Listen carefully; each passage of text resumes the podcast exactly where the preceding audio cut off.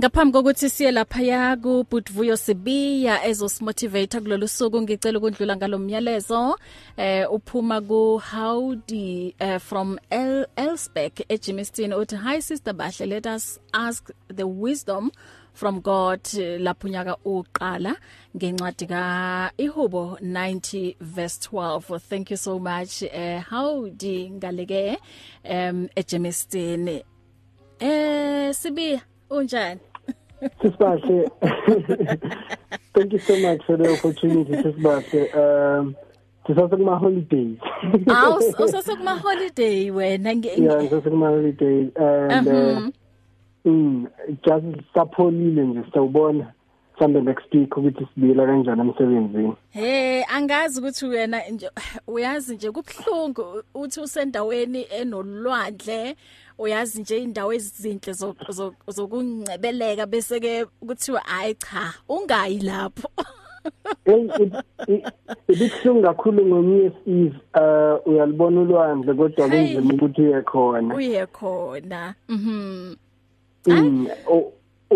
Ubone nane indawo ezinhle zokukhuleka usually ngijwayele ukuthi first first um first day of the of the of of the year ngiye um entabeni. Yeah. Hey but kulokhu bekunzima.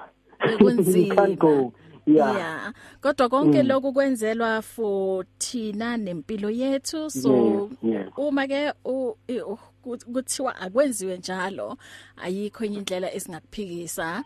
Um siyakwamukela kulonyaka omusha kule first sunday ya yonyaka ka 2021 asibonge uNkulunkulu sibonge nethuba uh, nakubaphathi be radio pulpit Amen.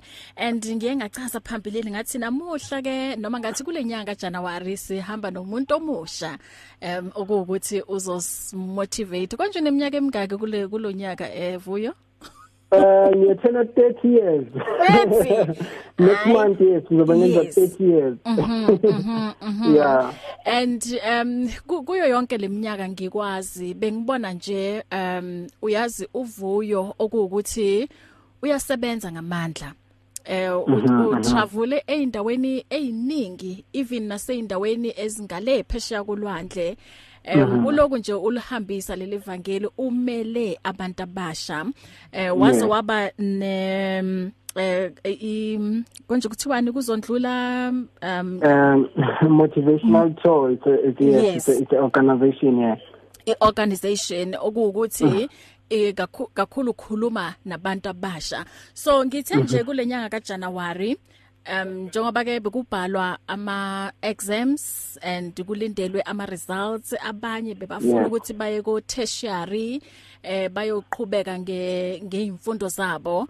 Akwenzakalanga. Abanye bathikime bathikamezwe ile um coronavirus esibhekane nayo this pandemic yazi izinto eziningi nje um kwenzakala ngendlela ukuthi mhlawumbe abantu bebangaplananga ngayo.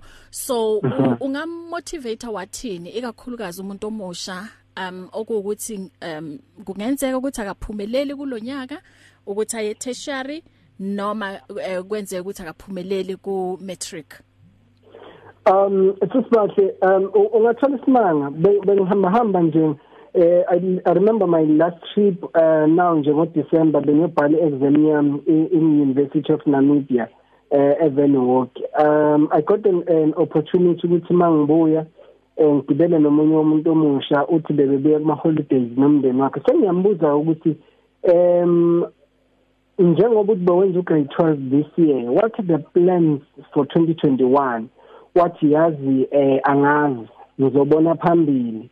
Eh ngizobona ngama results because eh kuningi okwenzakalile obekusidisturb. Akusiyena kuphela baningi abantu abasha eh aba aba abakhuluma the same word ukuthi asazi ukuthi kuzokwenzakalani. Khona umunye nje bekangitshela ukuthi cha mina ngizibona ukuthi ngiphumelele. Eh abanye bathi ay lokhu bengikuthembisa abazali bami ukuthi ngizokwenza ngizophasa kahle or ngizozama ngazo zonke indlela ukuthi ke ngenza abazali bami babe proud ngakho. Eh ngibona ngathi ke ngeke kusafezeka eh abantu bebe becasha nje ngayo iCovid-19 becasha ngayo ipandemic bethi yibona iyona bathi stable kodwa ke eh beyikhona yona yena ikhona izini namanje futhi sasenzima.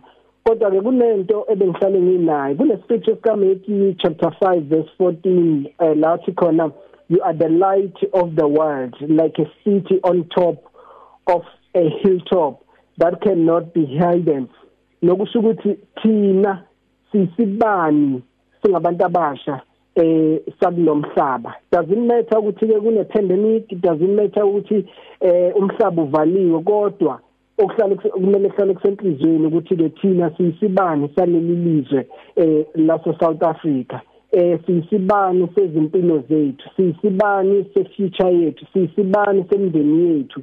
So okuza empilweni zethu akusikona ukuthi kusuke sekuphelile kuthina kodwa ke em ifavor kaNkuluNkulu isuke ingaphezulu kwethu. And uNkulunkulu usuke azi ngakho konke suke esihlelele khona. Nathi sihlelile usuka sazi ukuthi yena uzokuletha kanjani empilweni zethu. So ukuyibhekelela phansi usho ukuthi wena ngeke uphumelele enyakeni ka2021 eh ukuyibhekelela phansi uthi wena akudalelwanga impumelelo enyakeni ka2021 ubona unyaka ka2021 uzofana nonyaka ka2020 akusikhona kanjalo uNkulunkulu uneyinhlelo ngathi wayengeka kulethe emhlabeni engazi ukuthi ukuletheleni ukulethe ngobazi ukuthi uzobhekana nani futhi uzo